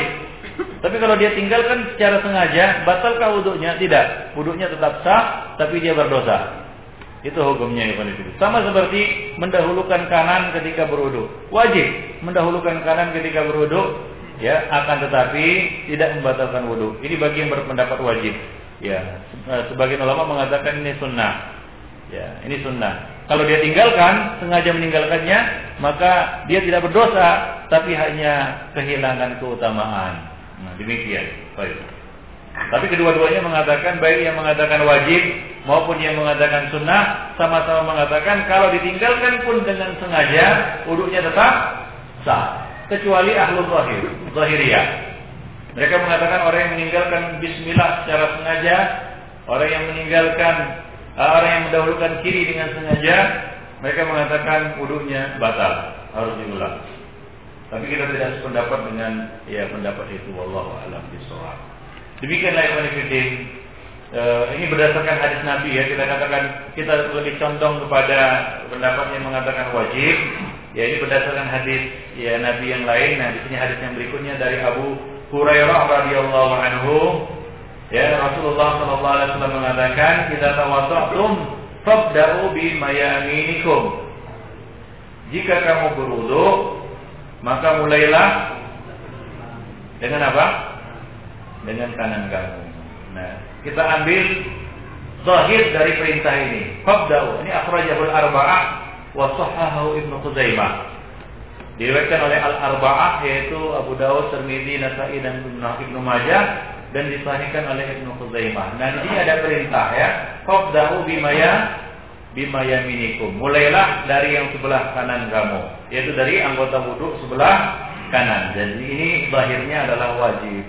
Nah, kita tadi sudah jelaskan kesimpulannya bahwa hukumnya lebih rajin adalah wajib. Cuma kalau ditinggalkan walaupun dengan sengaja tidak membatalkan wudhunya, hanya saja dia berdosa karena telah menyalahi perintah Nabi ini. Nah, Baik. Sebagian mengatakan sunnah. Nah, kalau dikatakan sunnah, jika dia melanggarnya dengan sengaja, ya, maka dia telah kehilangan apa? Fadilah itu saja. Wudhunya tetap sah, kecuali Bahiriyah yang mengatakan wudhunya tidak sah dan harus diulang. Demikian ikhwan fillah, azan Allah wa jami'an kajian kita pada hari ini. Ya, eh, besok atau lanjutannya nanti eh, kita akan membahas tentang eh, apa namanya berwudu ya dengan mengusap imamah dan kufai yaitu dengan mengusap korban dan kuf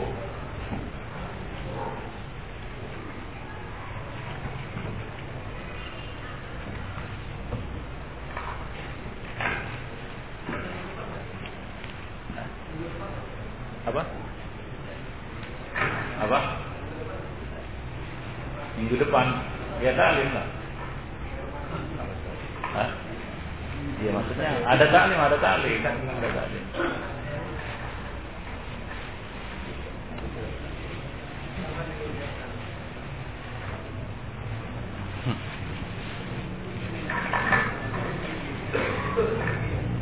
Cuma yang lain yang isi. Thank you.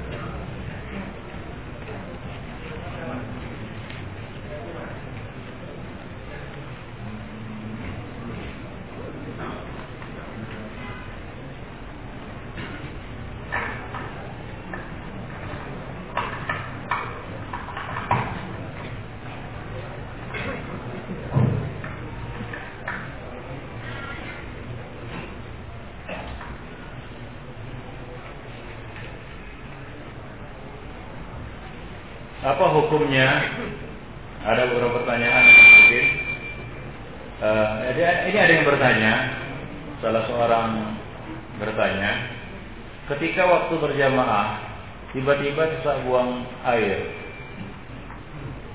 namun masih bisa ditahan. Ya, kayak masing-masing orang tahu kondisi kondisi apa namanya, kondisi dirinya. Jauh mana ya menahan al-akhbasain atau menahan al-akhbasan dua perkara yang khubut yaitu buang air besar dan buang air kecil itu boleh ditahan. Ya, kadang-kadang ada muncul ya keinginan sesak kan begitu ya. Tapi itu bisa dieliminir. Artinya bisa di apa? Dihilangkan. Muncul lagi hilang, muncul lagi hilang kan begitu ya. Artinya kalau orang Medan bilang belum merah kali, belum besar kali, ya masih bisa. Ya artinya apa? Kondisi itu tidak mengganggu konsentrasi kita. Ya memang ada sebagian orang yang kadang-kadang perasaan seperti itu muncul dan selalu muncul kan begitu ya. Terus apalagi yang bermasalah dengan perutnya. Ya, tapi kalau dia pun ke belakang nggak keluar. Nah, begitu dia batalkan sholat, ya hilang sesaknya, balik lagi dia sholat kan begitu ya. Masuk sholat muncul lagi. Keluar masuk keluar masuk aja nanti dia. Ya, di sana ada yang masih bisa ditolerir. Ya, artinya e, sesak itu tidaklah mengganggu konsentrasinya dan memang ya tidak mendesak untuk dia buang. Nah, dalam hal ini saya katakan tadi al-akhbasan yang seperti ini ya tentunya tidak masuk dalam larangan hadis Nabi tadi ya. Nah, anak ada yang akhbasan ini memang benar-benar mendesak. Sebagian orang bahkan menahannya sampai dia apa namanya merinding disco. Begini gitu, gitu. Itu pun nggak keluar-keluar juga dari salatnya, tetap dia tahannya, ah, tanggung katanya. Ya, hingga kadang-kadang begitu lu apa namanya salam langsung lari-lari dia, kan begitu ya? Entah buka celana, saya nggak tahu itu. Nah ini nggak boleh seperti ini, ya. Nah, jangan nunggu apa namanya istilahnya berat celana baru kita keluar sholat. Nah, di sana ada akhbatan ya yang memang betul-betul buat apa perasaan ingin buang air besar atau buang kecil memang betul-betul mendesak. Ya, betul-betul mendesak. Hingga kita harus apa? Harus keluar. Ya tidak bisa mempertahankan diri di dalam sholat. Baik itu sholat berjamaah maupun sholat sendiri sama saja. Ya, nggak ada beda baik itu sholat berjamaah maupun sholat sendiri. Gak ada beda. Karena Nabi tidak mengkhususnya, mengkhususkannya dengan apa? Dengan kondisi berjamaah atau e, mengerjakan sholat sendirian. Hanya saja para ulama berbeda pendapat tentang masalah durah kentut. Buang angin. Bolehkah ditahan buang angin? Karena tidak, tidak disebutkan buang angin. Para ulama mengatakan ahbasan itu buang air besar, buang air kecil. Lalu bagaimana dengan buang angin? nggak besar nggak kecil angin yang ada Bolehkah ditahan? Pendapat yang wajib bahwa buang angin masuk ya ke dalam hukum ini. Bil kias minimal kias aulawi atau mafhum muwafaqah aulawi. Ya, setara itu menahan kentut dengan menahan buang air kecil dan buang air besar hampir setara itu. Kadang-kadang tipis saja bedanya. Dikira keluarnya kentut ternyata apa? Yang lain gitu. Tipis saja bedanya itu. Iya, nah, jadi termasuk di dalamnya. Jadi aku tidak boleh juga menahan-nahan kentut hingga menggeletar badan itu. Kan ya? Tidak keluar juga dari sholat sehingga nggak ngerti apa yang dibaca. Ya. Tidak konsentrasi terhadap bacaan yang kita baca di dalam sholat ya karena sibuk menahan kentut. Nah kalau kita sesak kentut dan sesak kali ya keluarlah dari sholat ya kemudian ya buanglah angin itu. Nah kemudian apa? Sholat kembali. Allah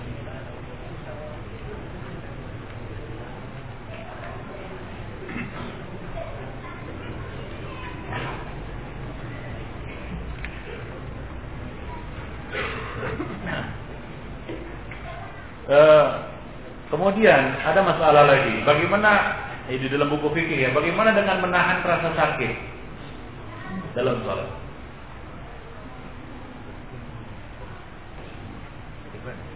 Dia menahan rasa sakit dalam sholat. Bolehkah kita menahan rasa sakit di dalam sholat dan terus mengerjakan sholat sampai selesai? Atau hukumnya ini digolongkan atau disamakan dengan hukum menahan kentut, menahan buang air kecil dan menahan buang air besar. Boleh? Iya. Ya, jawabnya boleh. Ya, karena beda antara menahan rasa sakit dengan menahan apa? Ya, buang air besar dan buang air kecil. Ya. Jadi ya ada, ada sahabat yang sedang sholat, kemudian dia terkena panah, ya, hingga menembus kakinya, ya itu tentu, saja kalau orang normal pasti sakit, pasti sakit. Tapi sakit seperti ini bisa dihilangkan rasanya. Bahkan boleh jadi dalam kondisi-kondisi tertentu malah menambah khusus sholat, kan begitu ya? Menambah khusus sholat. Dan dia terus sholat sampai se selesai. Dia tidak memutuskan sholatnya karena kakinya yang terkena panah. Walaupun itu pasti sakit. Kalau nggak percaya, lah kaki. Boleh. menjerit. Menjerit dulu. Saya. Tapi kalau buang membuang kotoran dari badan ini, ya buang angin, buang air kecil, buang air besar, nah ini lain nih masalahnya. Ya. Itu sangat mengganggu konsentrasi. Kadang-kadang nama aja bisa lupa, gitu ya. Apalagi bacaan sholat, nama aja bisa lupa itu.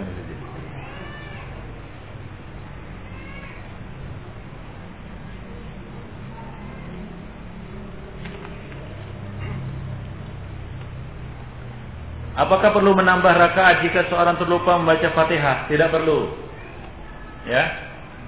Adapun mengenai masalah sujud sahwinya para ulama berbeda pendapat. Ya. Sebagian mengatakan dia melakukan sujud sahwi, sebagian mengatakan tidak. Karena apa? Karena dia sudah berdiri. Ya, para ulama mengatakan apakah ya wajib di sini berdirinya atau bacanya? Kalau dia berdiri tanpa baca Fatihah, kemudian rukuk lupa dia, apakah dia harus sujud sahwi Para sebagian mengatakan dia sudah berdiri. Maka dia tidak perlu sujud sahwi. Ya, sama seperti seorang dia sudah duduk tasyahud awal. Ya. Tapi dia tidak tasyahud. Dia tidak membaca apa? Tasyahud. Duduk dia saja. Mungkin ngelamun tahabat tiba-tiba bangkit lagi kan begitu ya. Nah, dia tidak perlu sujud sahwi. Dari situ para ulama mengatakan demikian pula orang yang terluput baca Fatihah atau lupa baca Fatihah.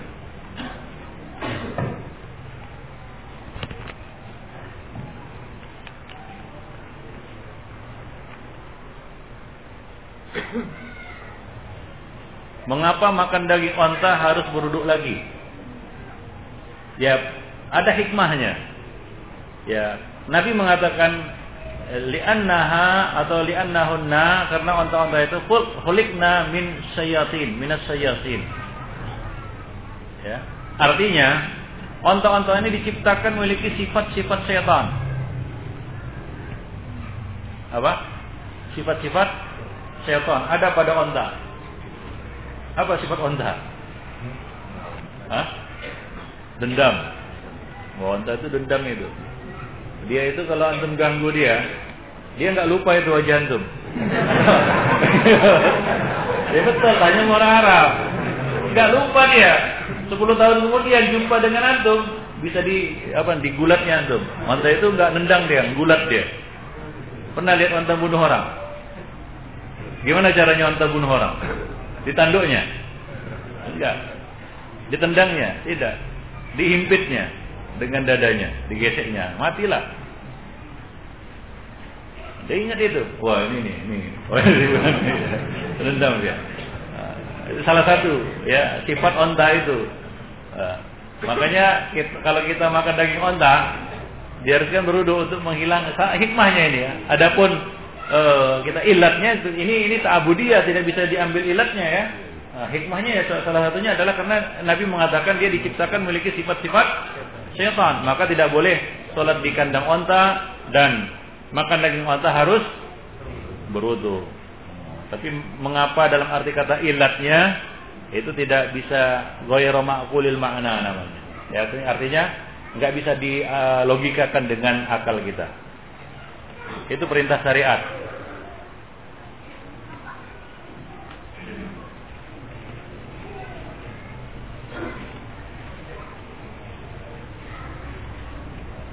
Ada yang mengatakan wudhu orang yang bertato tidak sah. Apakah benar?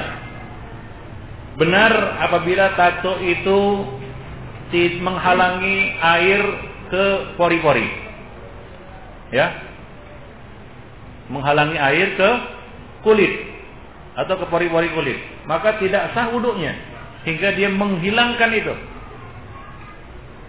Ya. Ustaz, saya dulu mantan preman, sudah tobat sekarang ini. Ada tato. Payah kali ngilanginya, apakah perlu potong tangan? Enggak perlu. Ya, fattakullah mas tato. Berusaha dihilangkan. Kalau nggak hilang juga, ya sudah. Fattakullah mas tato. Tapi kalau dalam kondisi normal itu tidak sah. Ya, seorang yang sengaja bertato, tatonya itu tidak uh, menyebabkan air tidak uh, tidak membasahi dan tidak mengenai kulitnya atau anggota wudhunya maka dia seperti sabda Nabi wailun lil aqabi minan nar. Baik.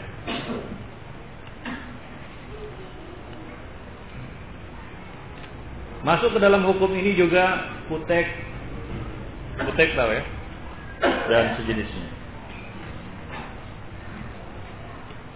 Karena ini kuku, kuku ini termasuk tangan yang harus basah juga dalam berudu. Mandi junub juga kan begitu ya.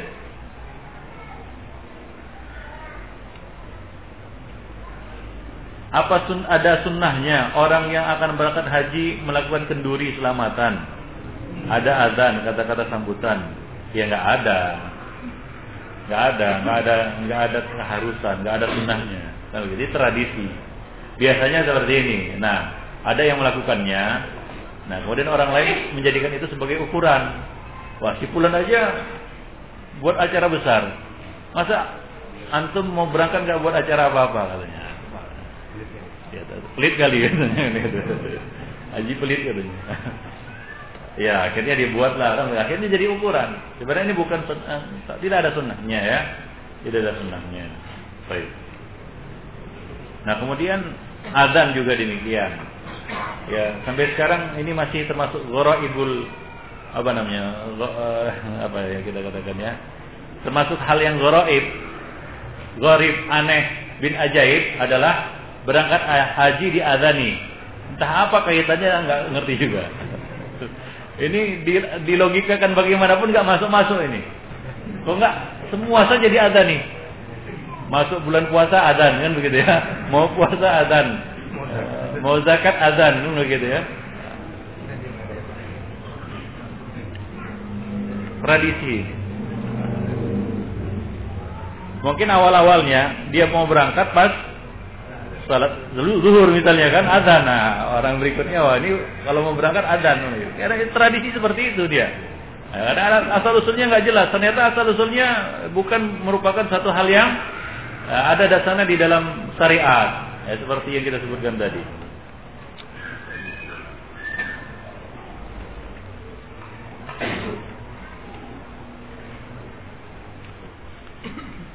Adakah dalil yang menyebutkan bahwa sholat harus menggunakan kain sarung? Tidak ada.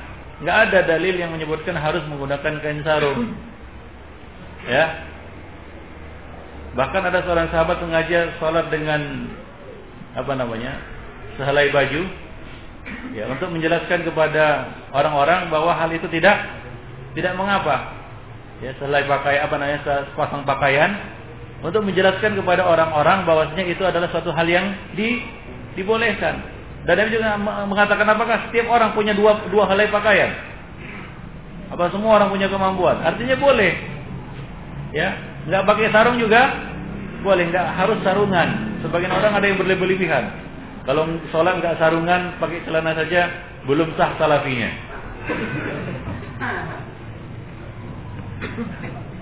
Atau ada juga yang yang jahil mengatakan bahwa itu tanda-tanda sururi gitu. Tanda-tanda sururi sholat nggak pakai sarung, gitu. nggak sarungan. Ya.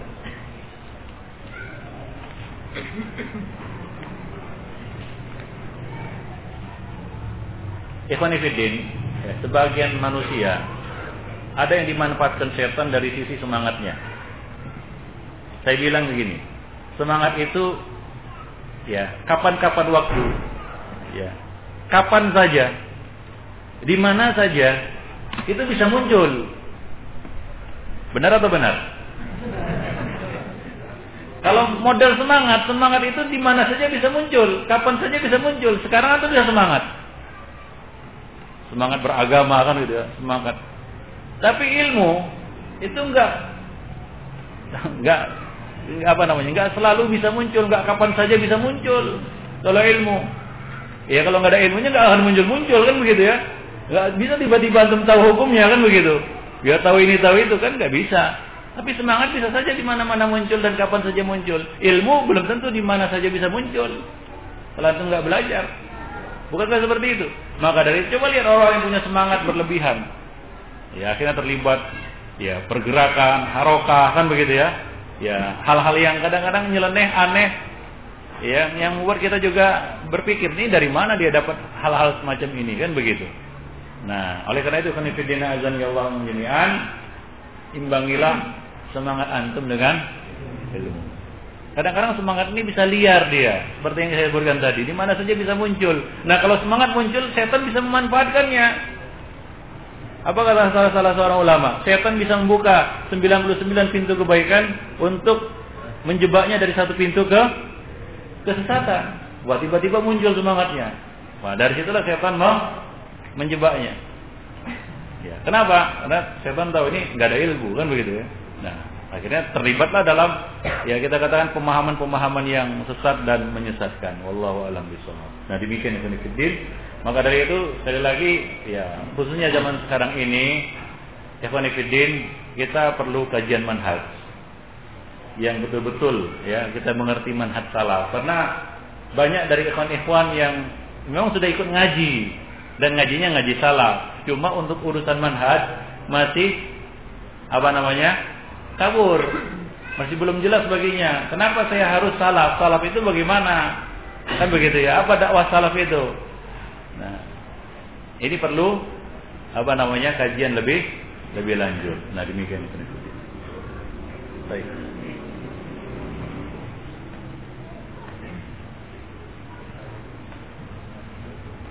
Bolehkah mengelap dengan handuk dan sapu tangan setelah kita berwudu? Ya makruh ikhwan fillah.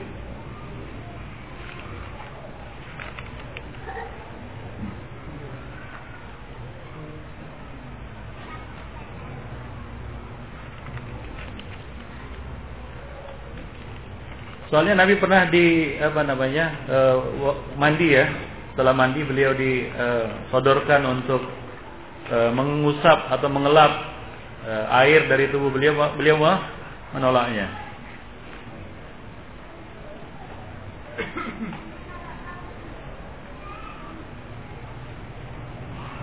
Walaupun kalau di, di, dielap ya di eh, dilap dengan anduk ya tidak batal wudhunya.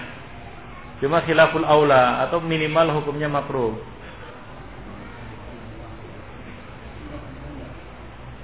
Bagaimana kaifiat mandi junub, mandi wajib? Tolong jelaskan. Nantilah. Perlu kajian khusus kan begitu ya. Nanti datang di sini, ada di sini. Ikuti saja. Sebab sekarang nggak mungkin. Sudah mau selesai. Sementara pertanyaan masih banyak.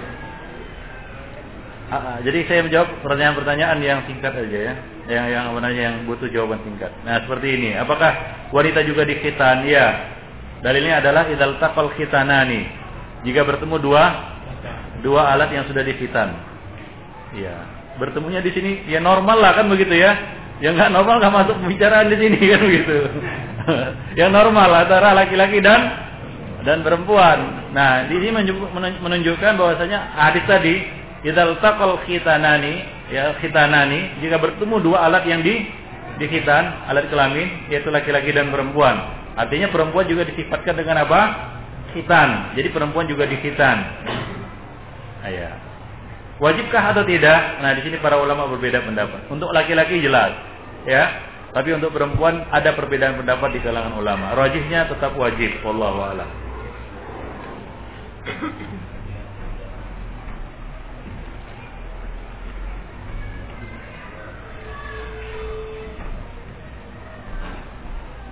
Apakah walimah resepsi pernikahan harus dilakukan segera setelah akad nikah? Bolehkah walimah diadakan tiga atau empat bulan setelah akad nikah dengan pertimbangan biaya?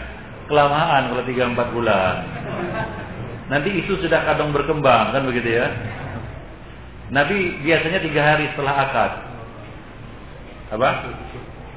Tiga hari setelah akad. Memang di dalam syariat tidak ada batasan secara kaul ya dari Nabi membatasi ya waktu. Nah lebih dari itu nggak boleh mengadakan walimah lagi nggak ada. Cuma tujuan syar'i harus terlaksana dengan walimah ini yaitu apa? I'lanun nikah. Kalau sampai 3 4 bulan ini akan keluar dari apa? Dari tujuan syar'i ini untuk i'lanun nikah. Ya? Nah lebih buruk lagi jika tersebar hal-hal yang tidak baik. Misalnya apa? Wah si pulang dari mana tuh gandengan dengan perempuan? Siapa dia? Kan begitu. Nah akan timbul apa? Fitnah dia bisa menyebabkan orang jatuh dalam dosa dan ini tidak boleh. Maka segeralah dia lakukan walimah. Nabi mengatakan aulim walau bisat. Ya, artinya apa? Berwalimahlah walaupun hanya menyembelih seekor kambing. Ini menunjukkan bahwa perintah ini segera dilakukan. Jangan menunggu saat nantilah nunggu dapat lima ekor kambing tiga bulan lagi empat bulan lagi. Nah ini khilaf dari maqasid syariah. Ya, menyelisih apa? Maksud syariat maksud dari disyariatkannya walimah ini. Paham? Jadi segera. Nabi biasanya tiga hari setelah akad pernikahan. Tapi adat yang berlaku di sini tiga jam setelah pernikahan. ya, artinya apa? Ya, ya apa namanya akad sekaligus walimah itu juga boleh, nggak mengapa. Asal jangan walimah dulu baru akad kan gitu. Ini walimah.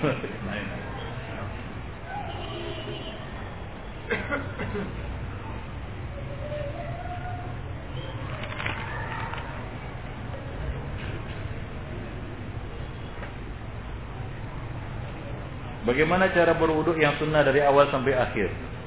Ya, ini kan lagi kita pelajari. Kemarin sudah kita sebutkan hadis Umron dari Utsman. Nah itu dia berwudhu yang sunnah dari awal sampai akhir. Umron dari Utsman.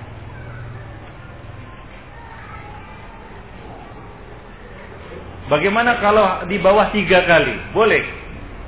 Minimal satu kali. Ya maksimal tiga kali. Kecuali kaki tadi.